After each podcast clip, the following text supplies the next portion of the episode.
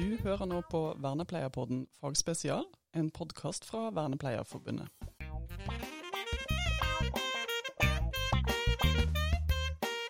Ja, da er vi på siste episode av Fagspesialen. Ja. Og nå skal vi snakke om eh, noe veldig fascinerende. Noe veldig gøy. Litt dystert. Er veldig viktig. Litt eh, mørkt. Litt mørkt. Vi skal Ja. snakke om eh, memento mori. Ja. Husk på at du dør. Du dør litt hver dag. Mm. Og vi skal også innom det med prokrastinering. Og kanskje litt om Elvis sandwich med peanøttsmør. Deilig, da. Ja, en oppskrift jeg har oppdaga. Ja. Men uh, først av alt til de her begrepene memento, memento mori og prokrastinering. Mm. Det her er jo latinske greier. Så det første er jo da ligge litt i ordet mori og mors og, og de tinga her. At det er død det er snakk om. Så husk på at du skal dø. Det er kjent fra ganske mange av de visdomstradisjonene. Mm. Så det det dreier seg om, det er at penger og ting kan du alltid skaffe deg mer av. Men tid, det forsvinner. Mm. Så de dagene du har igjen, blir det færre av. Så dette her Ikke sant? Så det det er snakk om, er egentlig en form for perspektivtaking. Mm. Ikke, ikke sløs bort livet ditt. Lev det på en ordentlig måte i tråd med verdiene dine. Mm. Fordi at tida går. Så hvis du da driver og kaster bort tida for mye, så dauer du, altså. Før du har fått gjort de her viktige tinga. Så det, det er egentlig en påminnelse om det. Og for egen del så syns jeg det har vært eh, viktig, Mm. rett og slett. Så jeg starter egentlig hver dag med en sånn memento mori-praksis. Så, så fort jeg slår opp gluggene og får stabla meg på beina, så kjører jeg noen minutter hvor jeg setter ting i perspektiv. Mm. Da finnes det en ganske kjent meditasjonsøvelse, faktisk, som kalles for negativ visualisering. Ja. Fortell. Ja, den innebærer at du kanskje først da, lager en liste over verdiene dine og de tinga du setter pris på, smått og stort. Og så er det ganske vanlig at du kjører først kanskje noe som ligner på en sånn eh, mindfulness-meditasjon med fokus på pusten, altså pusten som anker. Mm. Du puster i og for seg uanstrengt, rolig inn og ut. Og når du ramler ut, begynner å tenke på det som har vært, eller det som kan komme, så legger du merke til at nå har jeg ramla ut. Mm. Og rolig og vennlig og uten å være dømmende, uten å snakke nedsettende om deg sjøl fordi at du har ramla ut, så vender du tilbake til pusten når det er mulig. Så nå er vi midt inne i mindfulness-meditasjon, da, Mm. som eh, egentlig ikke dreier seg om å ha det godt eller drikke te eller sitte under pleddet. Mm. Men det dreier seg om en form for klarhet. Hvor du da oppdager hva her og nå er da i form av pusten eller fotstega dine. og snakker om gående meditasjon eller kanskje kroppsskanning. Så meditasjon dreier seg om en form for klargjøring. Og sånn sett så er jo, meditasjon også en slags tørrtrening på å oppdage livet i andre situasjoner. Yeah. Så du kan f.eks. oppdage at det som skjer nå med meg, er at noen hisser meg opp. Skal jeg virkelig være med på det?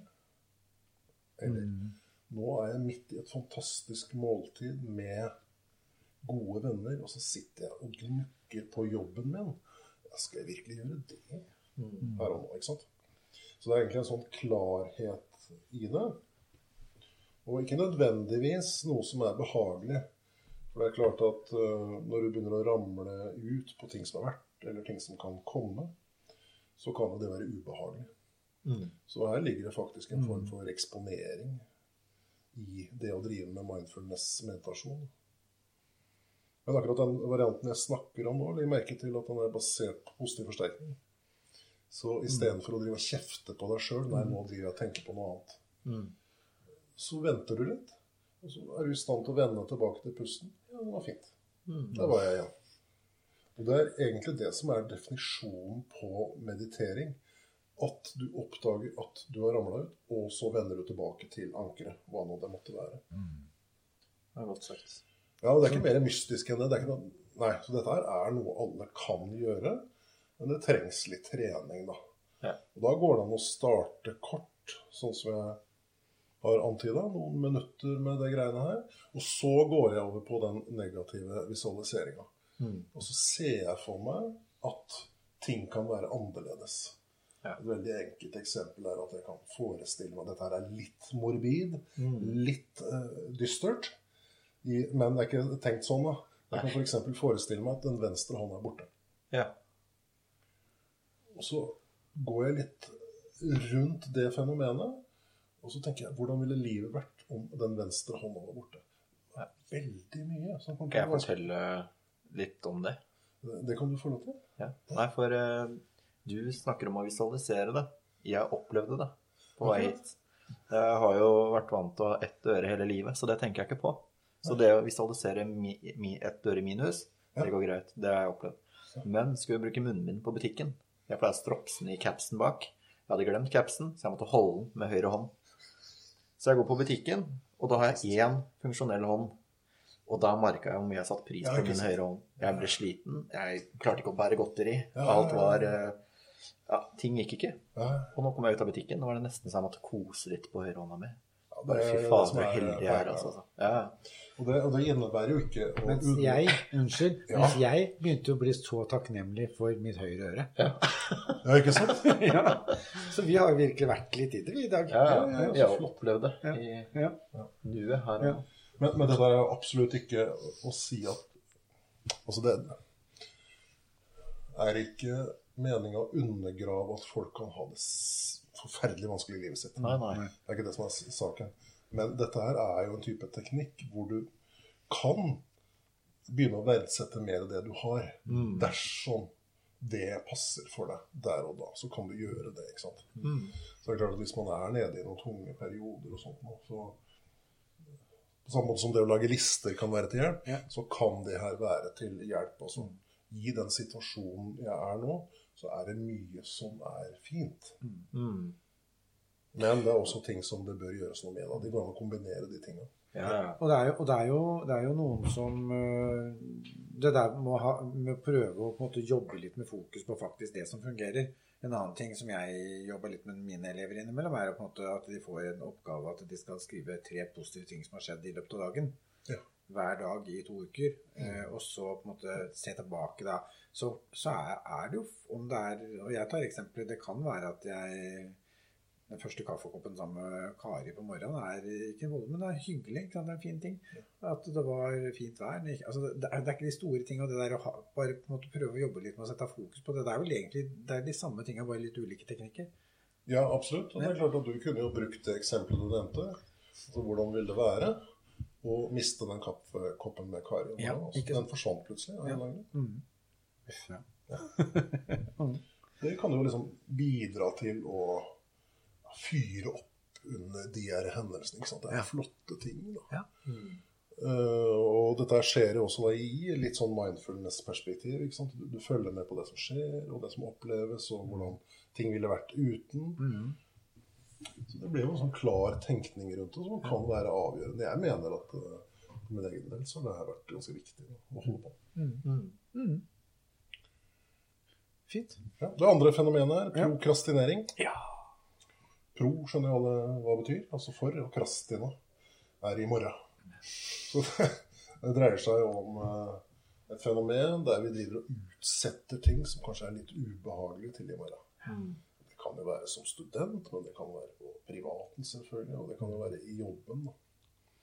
Så Det vi jo veldig ofte snakker om her, og nå er jeg inne på det med psykologisk fleksibilitet igjen, det er jo en form for opplevelsesmessig unngåelse.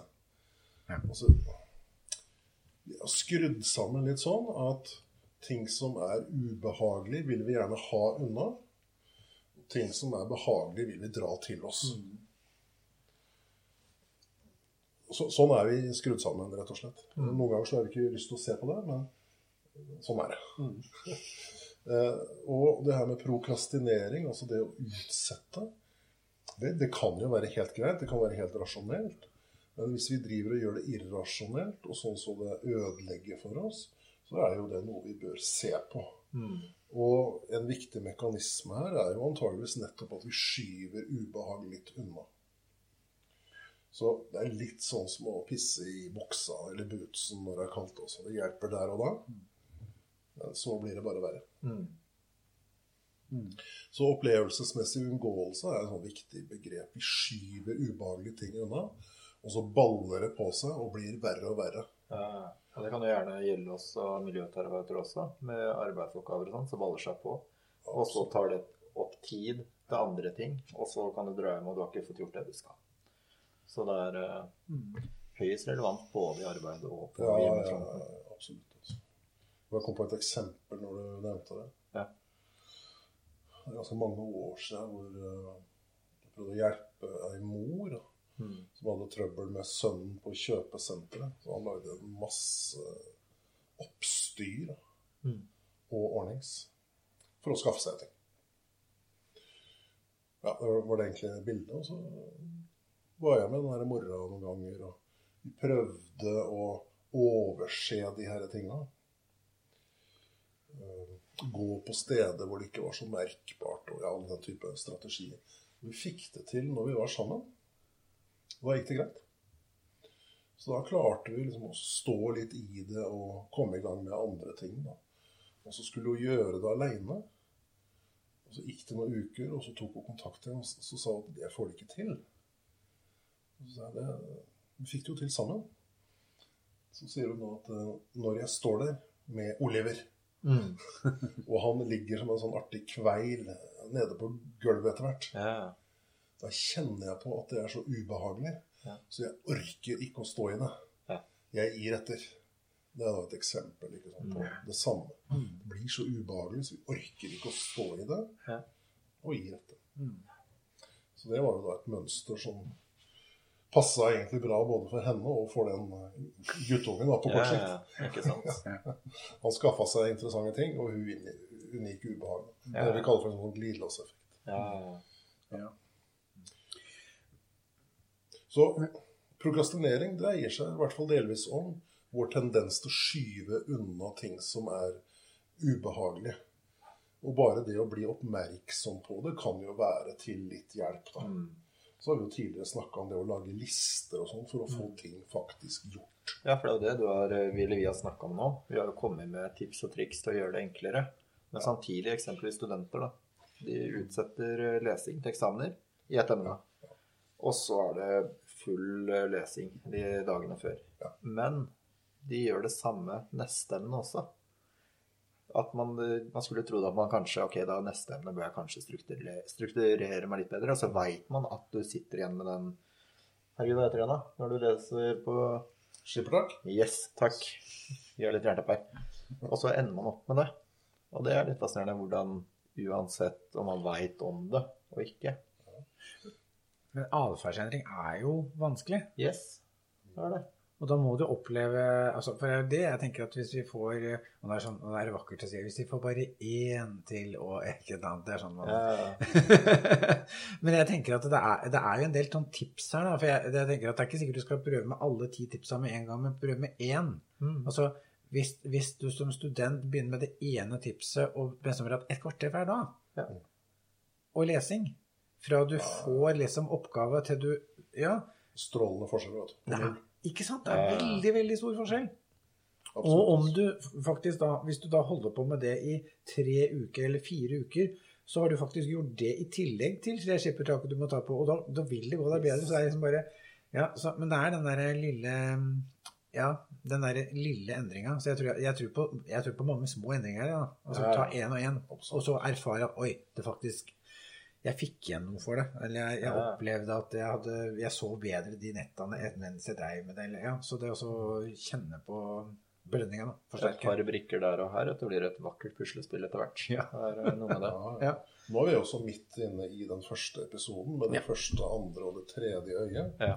Så det er klart at hvis en ser på studenter eller seg sjøl gjennom sånne egenskapsforklaringer og sier at folk er late eller dumme som ikke får det til Ja, du tok jo dere skippertaket i forrige periode. Skal du gjøre det én gang til? Ja, ja, Så da peker vi på sånne egenskaper, og det er stort sett veldig dumt. ja. Og her fins det jo et alternativ, og det er jo det andre øyet. Å se litt på hvilke betingelser må legges til rette for at det her skal gå mer jevnt og trutt. Og Det er klart at som lærere eller familiemedlemmer så kan vi jo hjelpe folk til å dele opp i mindre hauger. Vi kan være flinke til å oppmuntre når ting faktisk skjer. Fantastisk at du har fått til 15 minutter. Alle mulige den slags ting. Å tenke på at når folk ikke gjør ting, så kan det være fordi at de ikke kan noe. Ja. Ikke fordi at de ikke vil. Nei. ja, ja. De kan ikke. Ikke sant. De har ikke gjort det nok ganger til å få det til. Og de er fanga i gjentagende sånne opplevelsesmessige unngåelser. Og det baller på seg, ikke sant? og så er du der da to dager før eksamen. Så det som egentlig har skjedd, er jo bare at historien har gjentatt seg mange ganger. Ligger et ubehag der. Jeg burde lest 20 sider. Nei, jeg ser på Netflix isteden. Nei. Da har vi jo en sånn interessant musefelle. Det første som skjer, er jo at det lille ubehaget ligger der, det kravet og den forventningen. Skyver man unna. Det oppstår en liten lettelse, og så trykker du på fjernkontrollen. Og der kommer det opp en fantastisk serie, ikke sant. Var så hyggelig. Så da er det egentlig to sånne psykologiske mekanismer som spiller over i hverandre. Ja, Og så sitter du der da, to dager før eksamen, og så får du den her musefella over nakken. ja. Ikke sant. Ja, men det er jo det vi også snakker om nå, liksom, at uh, tiden forsvinner. Og ja, det er litt skremmende tanke.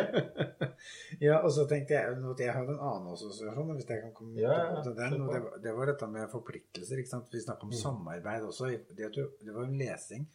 Mm. Lese sammen. Mm. Det også tenker jeg, det er, for da, da kan du både hvis, Altså til studenter, da. Eller hvis man skal gjøre andre større oppgaver også. Men det å forplikte seg til en gruppe, det hjelper tror jeg veldig. For da skal du liksom bidra inn sammen med noen. Da får, må, da får du sånn der, både får du mer oppstykka, du får uh, mer uh, Du får snakke om Så det tror jeg er en sånn derre Hvis man er som student eller type store arbeidsoppgaver, så å, å, å jobbe i gruppe tror jeg er Og får til det, da tror jeg det er det tror jeg er mye lykke i det. Ja, ikke sant? Ja. Nå snakker vi om noe som da er påpekt under denne pandemien, nemlig den manglende muligheten til å være sammen. Ja. Og det er klart at det er helt viktig, Ja. er helt sentralt for Ja. å få gjort noe også. Ja. Det er jo viktig av mange grunner. Altså. Ja, det er. Jeg bare kom på en, eh, et lite sidespor siden vi har snakka om eh, musefelle. Ja. Jeg oppdaga helt tilfeldig eh, at uh, man ikke skal bruke ost okay. i musefellen. For eh, mus er ikke spesielt opptatt av ost. Nei. De liker eh, mer fete saker, mer smaksrike saker.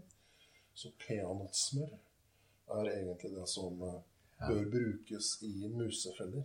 Ja. Mens jeg holdt på og leste om det her, da Jeg innrømmer at det er litt sære interesser. Interesse, interesse. Musefeller. Og hva som skal være åte. Så havna jeg inne på en uh, matoppskrift. Og det var altså yndlingssandwichen til Elvis Presley. Ja. De fleste kjenner jo at han var eh, opptatt av peanøttsmør. Ja. Han har da et, eh, en sandwich og en oppskrift som kommer nå. Så da har du altså to stykker med toastbrød. Så smører du smør på den ene sida. Det er den som skal ned i toastjernet. Sånn som han blir lysebrun og fin på yttersiden. Ja. Og så smører du peanøttsmør på hver av de andre sidene. Og så tar du en moden banan, skjærer i tynne skiver og legger oppå peanøttsmøret. Og så tar du bacon, godt stekt, og legger oppå bananen. Og så tar du honning oppå der. Så klinker du dette sammen og inn i toastmaskinen. Ja, Riktig, ja. Fytterakkeren. Fantastisk.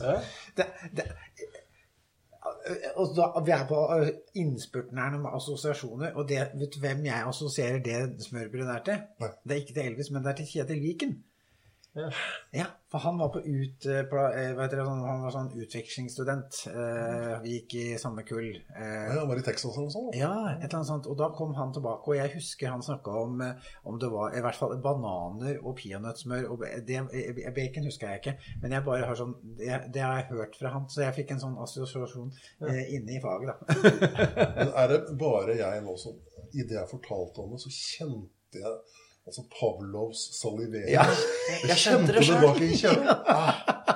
jeg også gjorde det. Nei, det er, Ja, eh, vi vil snart gi oss, for vi Ja. sikler på bordet. Altså. Ja. Men, eh, Men ja. avslutningsvis Ja. så har jeg lyst til å bare si en oppsummering av både det med verdier og som miljøterapeut og de tinga, og som privatperson. Det er to personer du skal gjøre stolte av i livet. Og det er åtte år gamle deg og 80 år gamle deg. Og det samme, ja. og det samme kan man jo egentlig overføre til miljøterapeuten nå. Den nyutdannede og dagen du går av med pensjon. Har du fått alt du har drømt om som nyutdanna eller åtteåring, og er du stolt av det du har gjort når du går av med pensjon, eller når du er 80 år? Da kan du være fornøyd. Vakkert. Vi avslutter. Det var, det var avslutningen på, på disse, denne fagspesialen. Takk for samarbeidet.